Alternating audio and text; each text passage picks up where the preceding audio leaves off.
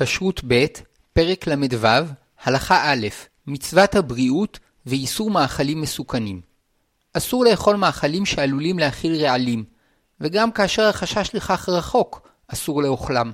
שכן למדו חכמים שאדם צריך להיזהר מאוד לשמור את נפשו, שנאמר, רק ישמר לך ושמור נפשך מאוד, ונאמר, ונשמרתם מאוד לנפשותיכם. ואומנם פסוקים אלו נאמרו כאזהרה על עניין האמונה בהשם, בתורתו ובמצוותיו, שהן תכלית קיום נפשו של האדם. אולם התנאי הראשון לקיום האמונה, שהאדם יחיה ולא ימות, ולכן פסוקים אלו מחייבים את האדם גם לשמור את נפשו ממוות וממחלות. וכפי שכתב הרמב"ם, הואיל והיות הגוף בריא ושלם מדרכי השם הוא, שהרי אי אפשר שיבינו ידע והוא חולה, צריך אדם להרחיק עצמו מדברים המאבדים את הגוף, ולהנהיג עצמו בדברים המבריאים והמחלימים.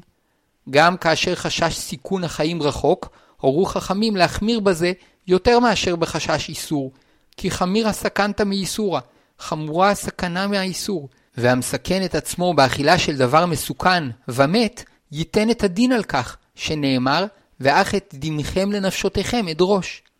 גם אכילת מאכלים שפוגעים בבריאות הגוף אסורה, והשומר על בריאותו מקיים מצווה. והרי זה בכלל מה שהורתה התורה, והלכת בדרכיו, שהשם ברא את גופנו שיהיה בריא, ועלינו לשמור אותו ולא לאכול מאכלים שיפגמו בבריאותו. יתר על כן, בריאות טובה מאפשרת לאדם לעסוק בתורה ולקיים את המצוות בשמחה, וכן נהגו גדולי ישראל לדורותיהם להדריך את תלמידיהם בדרכי הבריאות, כמבואר בתלמוד ובספרי הפוסקים והמוסר. ואם אפילו להשחית מזון אסור, על אחת כמה וכמה שאסור לאדם להשחית את גופו בפגיעה בבריאותו. בכל ההדרכות הרפואיות עלינו ללכת לפי המקובל על רופאי דורנו. למעשה, ההדרכה המקובלת כיום היא לצמצם עד כמה שאפשר באכילת מאכלים מעובדים ומאכלים עתירי סוכר, מרגרינה, מלח, קמח לבן ושומן רווי וטרנס. בין המאכלים המאופיינים במרכיבים אלו, משקאות קלים, חטיפים תעשייתיים, נקניקים, בורקסים ועוגות. מנגד, מומלץ להרבות באכילת ירקות ופירות ושתיית מים. ומעל הכל, שלא לאכול יותר מדי, להקפיד על פעילות גופנית ושינה טובה. אמנם, גם צריך להיזהר מדיאטות חריפות ומנהגי בריאות קיצוניים, שכן השמחה והטבעיות הן יסוד הבריאות, וזהירות והקפדה יתרה פוגעת בהן. כשרות ב', פרק ל"ו, הלכה ב', איסור גילוי מסכנת הרס. בעבר היו נחשים ארסיים מצויים בסביבות הבתים, ופעמים שהיו מטילים הרס לתוך מים, יין או חלב, ופעמים שהיו מנקרים בפירות ובמאכלים, והשותה מאותם משקים או אוכל מאותם מאכלים, היה עלול למות. לפיכך, אסרו חכמים לשתות ולהשתמש במשקים שהתגלו ונותרו ללא כיסוי, ואסרו לאכול פירות ומאכלים שיש בהם סימני ניכור. לא זו בלבד, אלא הורו שאם הניחו יין של תרומה גלוי למשך זמן שבו יכול לצאת נחש ממקום קרוב ולשתות ממנו, ישפכו את היין. ואף שאסור לאבד תרומה מפני שנתקדשה לאכילת כהנים, משום חשש סכנה, הורו לאבדה. אולם כבר בימי הראשונים לא היו הנחשים מצויים בסביבות הבתים, והורו הראשונים שמותר לשתות משקים שהתגלו, מפני שהאיסור נקבע למקום שהנחשים מצויים בו, וכאשר אינם נמצאים, בטל האיסור. לפיכך, מותר להניח מים ושאר משקים בלא כיסוי, ומותר לכתחילה לשתות אותם, ורק אם רואים בפועל נחש ושאר מינים ארסיים ששותים מהמשקה, אסור לשתות אותו. אמנם אין מקדשים על יין שהתגלה למשך כמה שעות, שהואיל ובושה להגישו לפני אדם נכבד, קל וחומר שאין לקיים עליו את מצוות הקידוש. ויש מהדרים גם בזמן הזה לכסות מים ושאר משקים, משום כבוד לאיסור שהנהיגו חכמים, שאולי יש בו טעמים נוספים, וגם משום ניקיון, כדי שלא ייכנסו בהם שרצים ולכלוכים. כשרות ב', פרק ל"ו, הלכה ג', אזהרות בריאות. הזהירו חכמים שלא ייתן אדם מטבע בפיו, שמא נגע באדם חולה, וידבק במחלתו. עוד הזהירו שלא לבלוע זיעת אדם, ושלא תתערב זיעה בתבשילים. וכן הזהירו שלא יניח אדם לחם בבית שחיו, שמא תדבק בו זיעה. כמו כן, אנשים שמכינים מאכלים צריכים להקפיד על ניקיון ידיהם. במיוחד טבחים שמכינים מאכלים לרבים, צריכים להקפיד לשטוף את ידיהם ואצבעותיהם היטב במים ובסבון, לפני שיגעו במאכלים. ובכל פעם שיצאו להתפנות, כשיחזרו ישטפו את ידיהם במים וסבון. כמו כן, בעת שהטבח חולה במחלה מדבקת, עליו להימנע מהכנת מאכלים, כדי שלא ידביק את האוכלים במחלתו. במיוחד צריכים להיזהר בעת הכנת מאכלים מן החי, הואיל ומצויים בהם יותר חיידקים וזיהומים. לפיכך, המטפל בבשר או בדג לפני בישולו, צריך לשטוף מיד לאחר מכן את ידיו במים ובסבון כדי לחטאן מחיידקים וזיהומים. שכן הבישול מחסל את החיידקים והזיהומים שבבשר ובדג, אבל לא את מה שנותר על ידי האדם שנגע בהם לפני הבישול. כמו כן, נכון לשטוף היטב במים ובסבון משטחים שחתכו עליהם בשר ודג חי, כדי למנוע מעבר של חיידקים למאכלים אחרים. צריך להקפיד לשמור את התבשילים במקרר, מפני שבתנאי חום מתרבים בהם חיידקים שעלולים לגרום להרעלת המזון. כשמוציאים מהמקרר תבשיל נוזלי ורוצים לחממו, יש להקפיד לחממו עד שיעלה עדים, כדי לחטא את החיידקים שעלולים להתפתח בו בעת החימום. ויותר מכל יש להיזהר לשמור היטב במקרר מאכלים מן החי שלא עברו בישול, כדוגמת מאכלים שיש בהם ביצים חיות כמיונז, שעלולים להתפתח בהם חיידקים מסוכנים כסלמונלה ואי קולי. כמו כן, יש להיזהר שלא להניח סכין באופן שעלול לסכן אנשים. לדוגמה, אין לנעוץ סכין בפרי, שמא לא יבחין אדם בסכין, וכשישען על הפרי או ייפול עליו, ייפצע. כשרות ב', פרק ל"ו, הלכה ד', בשר ודגים יחד. נהגו ישראל שלא לאכול בשר עם דגים, משום שהייתה עמדה רפואית שאכילתם עלולה לגרום לצרעת ולריח רע מהפה. אמנם מהרבה ראשונים משמע שאין בזה איסור, ומהרמב"ם עולה במפורש שמותר לאכול דג שניצלה עם בשר. ובהרו הפוסקים שמתוך לימודיו וניסיונו כרופא, הסיק שאין בכך סכנה, וממילא אין איסור לאכול יחד דג ובשר.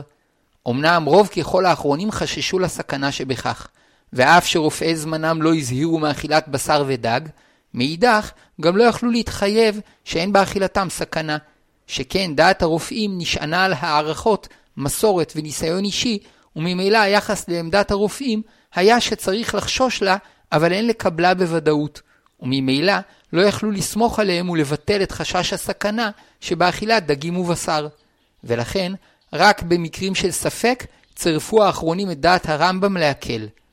אולם, כיוון שמדע הרפואה נשען על מחקרים שיטתיים שנבדקים במקומות שונים בעולם, תוך החלפת מידע בין כל מרכזי המחקר והרפואה, העמדות הרפואיות נחשבות כמבוססות יותר, וממילא כיוון שמוסכם על כל הרופאים בימינו שאין באכילת דג עם בשר סכנה, וכך גם הייתה דעת חלק מהפוסקים, אין בכך איסור, ואין לטעון שיש בכך הפרה של דברי חכמים, מפני שבענייני רפואה לא הייתה לחכמים עמדה הלכתית, אלא שעל פי המצווה לשמור על הבריאות, הדריכו את הציבור ללכת על פי ההוראות הרפואיות המקובלות בזמנם. וכיום, כשברור לרופאים שאין בזה סכנה, אין בכך איסור. אמנם, כיוון שמדורי דורות נהגו ישראל שלא לאכול בשר ודגים יחד, עד שההפרדה ביניהם היא אחד מסימני ההיכר של המטבח היהודי ונימוסיו, הנוהג המקובל להקפיד שלא לבשל בשר עם דגים, ולא להגיש בשר ודגים על צלחת אחת. וכאשר רוצים לאכול מנה של דג ומנה של בשר, מכינים מזלג, סכין וצלחת נפרדים לכל מנה, ובשעת הצורך מקנחים אותם במפית או בלחם לפני אכילת המין השני, או מנקים את המזלג והסכין בעזרת הפה, כדי שלא יתערבו שאריות מין אחד עם המין השני. ואם נותר על האצבעות רוטב ממין אחד, שוטפים אותן או מנגבים אותן במפית. כמו כן, שותים דבר מה בין אכילתם. כשרות ב', פרק ל"ו, הלכה ה' דגים בחלב. מותר לבשל דגים עם חלב, וכן מותר לאכול דגים עם חלב, שלא גזרו חכמים על דגים להחשיבם כבשר, הואיל והמראה שלהם שונה מאוד, וגם דינם שונה, שאינם צריכים שחיטה ודמם מותר באכילה. וכן מבואר במשנה שמותר לבשל ולאכול דגים עם חלב, וכן מבואר בתלמוד שהיו נוהגים לטבול דגים ברוטב חלבי. אומנם כתב רבי יוסף קארו שאין לאכול דגים עם חלב מפני חשש סכנה, ובעקבות דבריו, בארצות המזרח וצפון אפריקה רבים נהגו להיזהר מכך. והיו שאמרו שרק מאכילת דגים עם חלב צריך להיזהר, אבל לא מאכילתם עם חמאה. מנגד, גם מבין פוסקי הספרדים היו שהתירו לאכול דגים עם חלב. למעשה, מותר כיום לבני כל העדות לאכול דגים עם חלב, הואיל ומבואר בתלמוד ובראשונים שאכילתם יחד מותרת לכתחילה, ואף אלו שנהגו להחמיר, החמירו מסיבה רפואית בלבד, וכיוון שהרופאים בימינו מסכימים שאין בכך סכנה, בטל האיסור. וייתכן שבעבר, באזורים מסוימים, היו מצויים בחלב חיידקים שבפגישתה עם דגים התעוררו לגרום מחלות, ומתוך הניסיון הורו הרופאים שבאותם המקומות להימנע מאכילת דגים עם חלב. וכיוון שמצווה להיזהר מסכנות, הורו הרבנים שבאותם המקומות לשמוע בקולם. אבל כיום שנוהגים לפסטר את החלב, כבר אין לחשוש לאותן מחלות, וגם אלה שהיו מחמירים בזה בעבר, רשאים לאכול דגים עם חלב. כשרות ב', פרק ל"ו, הלכה ו', היחס לחשש סכנה סגולית. אין צריך לחוש כיום למנהגי זהירות שנהגו הקדמונים מפני חשש סכנות סגוליות, היינו סכנות הנובעות מרוחות רעות ושדים. וכן למדנו ממנהג הזהירות מזוגות, שבימי התלמוד רבים נזהרו שלא לשתות כוסות או לאכול מאכלים במספר זוגי, כדי שלא להינזק משדים. לכן הקפידו לשתות כוס אחת או שלוש או חמש, ולא שתיים או ארבע או שש וכן הלאה, וכן במאכלים כדוגמת ביצים. אפשר לבאר שהשדים הללו קיבלו את כוחם מידת האמגושים של זרטוסטרה, שמאמינה שיש בעולם שני כוחות, טוב ורע, והאוכלים או שותים זוגות הוזקו משדים ורוחות של עבודה זרה זו. אולם הוסיפו חכמים ואמרו כלל, כל דקפיד קפדה בהדי, ודלא קפיד לא קפדה בהדי, ומי הוא למחש מבאי. תרגום, כל המקפיד מקפידים עליו, ומי שלא מקפיד אין מקפידים עליו, אולם לחשוש צריך. כלומר, המקפיד להיזהר מסכנות אלו ולא נזהר, עלול להינזק, ומי שאינו מקפיד ושתה זוגות, אותם שדים ורוחות רעות אינם מזיקים לו. אולם לכתחילה, עדיף שלא יחשוף עצמו לסכנתם ולא ישתה זוגות, כי לעתים הם מזיקים גם למי שאינו חושש להם. ההסבר הוא שעולמות הרוח מורכבים מעולמות וממדים שונים. בכל עולם יש כוחות טובים ומועילים, רעים ומזיקים. בעולמות שנוטים אל הדמיון והמיסטיקה, הכוחות הללו מופיעים כמלאכים, רוחות ושדים, שיש להם נוכחות משפיעה לטובה ולרעה, כל עולם לפי סוג תודעת הדמיונות שבו. ובעולמות שנוטים אל השכל, הם מופיעים כדעות טובות ורעות שמתפשטות ומשפיעות על האדם והאנושות, כל עולם לפי התפיסות שעומדות בבסיסו. לכל אדם עולם תודעתי משלו, ובעולם שבו תודעתו, שם הוא חי, והכוחות שפועלים באותו עולם משפיעים עליו לטובה ולרעה. זהו שאמרו חכמים, כל המקפיד מקפידים עליו, ומי שלא מקפיד, אין מקפידים עליו. כלומר, הנמצא בתודעתו בעולם של רוחות ושדים מסוימים, כדוגמת אלו המזיקים לשותים זוגות, מושפע מפעילותם. ומי שאינו נמצא בתודעתו שם, אותם שדים אינם פועלים עליו. ואף על פי כן אמרו חכמים, שנכון שיחשוש מדברים שידועים כמסוכנים, כי אף שתודעתו רחוקה משדים ורוחות אלו, כיוון שהוא חי בתקופה שתודעתם נפוצה, והוא עצמו חושש לשדים ולרוחות מסוג שונה, בעל כורחו גם לשדים ולרוחות שמזיקים לשותים זוגות, יש עליו השפעה מסוימת, ולכן נכון שייזהר מסכנתם. אולם כיום, שכמעט כל ישראל חיים בתודעה של עולמות רוחניים שכלתניים, שאין בהם מקום לשדים ולרוחות, ואף סתרי התורה ועולמות הדמיון העשירים מוסברים בשכל, אין נכון לחשוש לסכנת המזיקים. ורק אותם אנשים שעדיין נותנים להם מקום בתפיסת עולמם, מפני נטייתם ומפני חינוכם, צריכים לחוש להם. כשרות ב', פרק ל"ו, הלכה ז', אזהרות סגוליות למקפידים. על פי היסודות שלמדנו, נבאר את היחס למנהגי זהירות שונים. יש נוהגים שלא לאכול שום כלוף או בצל כלוף או ביצה כלופה שעבר עליהם הלילה. אפילו היו סגורים בתוך כלי או צרורים בשקית, מפני חשש רוח רעה. אולם רבים אינם נוהגים לחוש לזה, מפני שהזהרה זו לא נפסקה להלכה ברמב"ם, וברוב ספרי הראשונים ובשולחן ערוך. ואף אם בימי התנאים אותה רוח רעה הייתה יכולה להזיק, במשך הזמן בטל החשש מפניה. וכן הלכה, שאין ראוי להנהיג איסורים שאין להם שורש בהלכה, וטעמם מבוסס על סכנה שאינה ניכרת בימינו. אמנם, מי שבמשפחתו נהגו לחשוש לכך, ובטעות השאירם גלויים בלילה, רשאי שלא לאוכלם בלא לחשוש לאיסור בל תשחית. מתקופת הגאונים היו שנזהרו שלא לשתות מים בשעת התקופה. שנת החמה מחולקת לארבעה חלקים, ושעת התקופה הוא רגע חילופי התקופות, ויש שנהגו להימנע משתיית מים שעמדו שאובים באותה שעה, אלא אם כן הניחו בהם ברזל. מנגד, דעת גאונים וראשונים שאין ראוי לחשוש לזה כלל, וכן המנהג למעשה. הזהירו חכמים שלא לשתות מים בלילה מן הנהרות והאגמים, שהואיל ואינו רואה מה יש במים, יש חשש שמא יבלע עלוקה. אבל החששות הקשורים לשדים ורוחות, אין חוששים. כשרות ב', פרק ל"ו, הלכה ח', אזהרות סגוליות שיש להן טעמים נוספים. יש אזהרות שיש להן גם טעמים מוסריים, ולהן ראוי לחוש, שכן פעמים שהסכנה הסגולית תואמת את עומק הטעם המוסרי.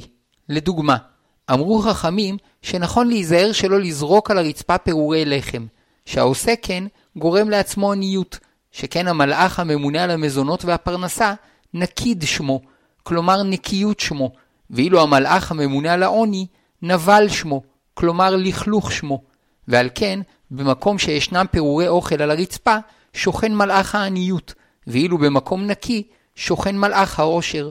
וראוי להקפיד על כך, מפני שהדרכה סגולית זו תואמת את ההדרכה המוסרית, שכן המשליך פירורים על הארץ נראה כבועט בברכתו של השם, וראוי שתיפסק לו הברכה.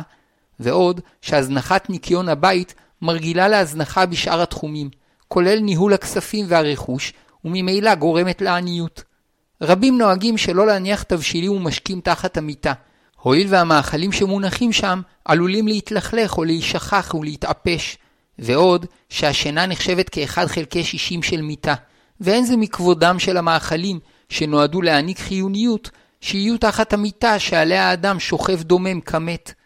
ויש שאף חוששים לרוח רעה ששורה על המאכלים שהיו תחת המיטה בעת השינה, ולכן נמנעים מלאכול מאכלים ומשקים שהיו תחת המיטה.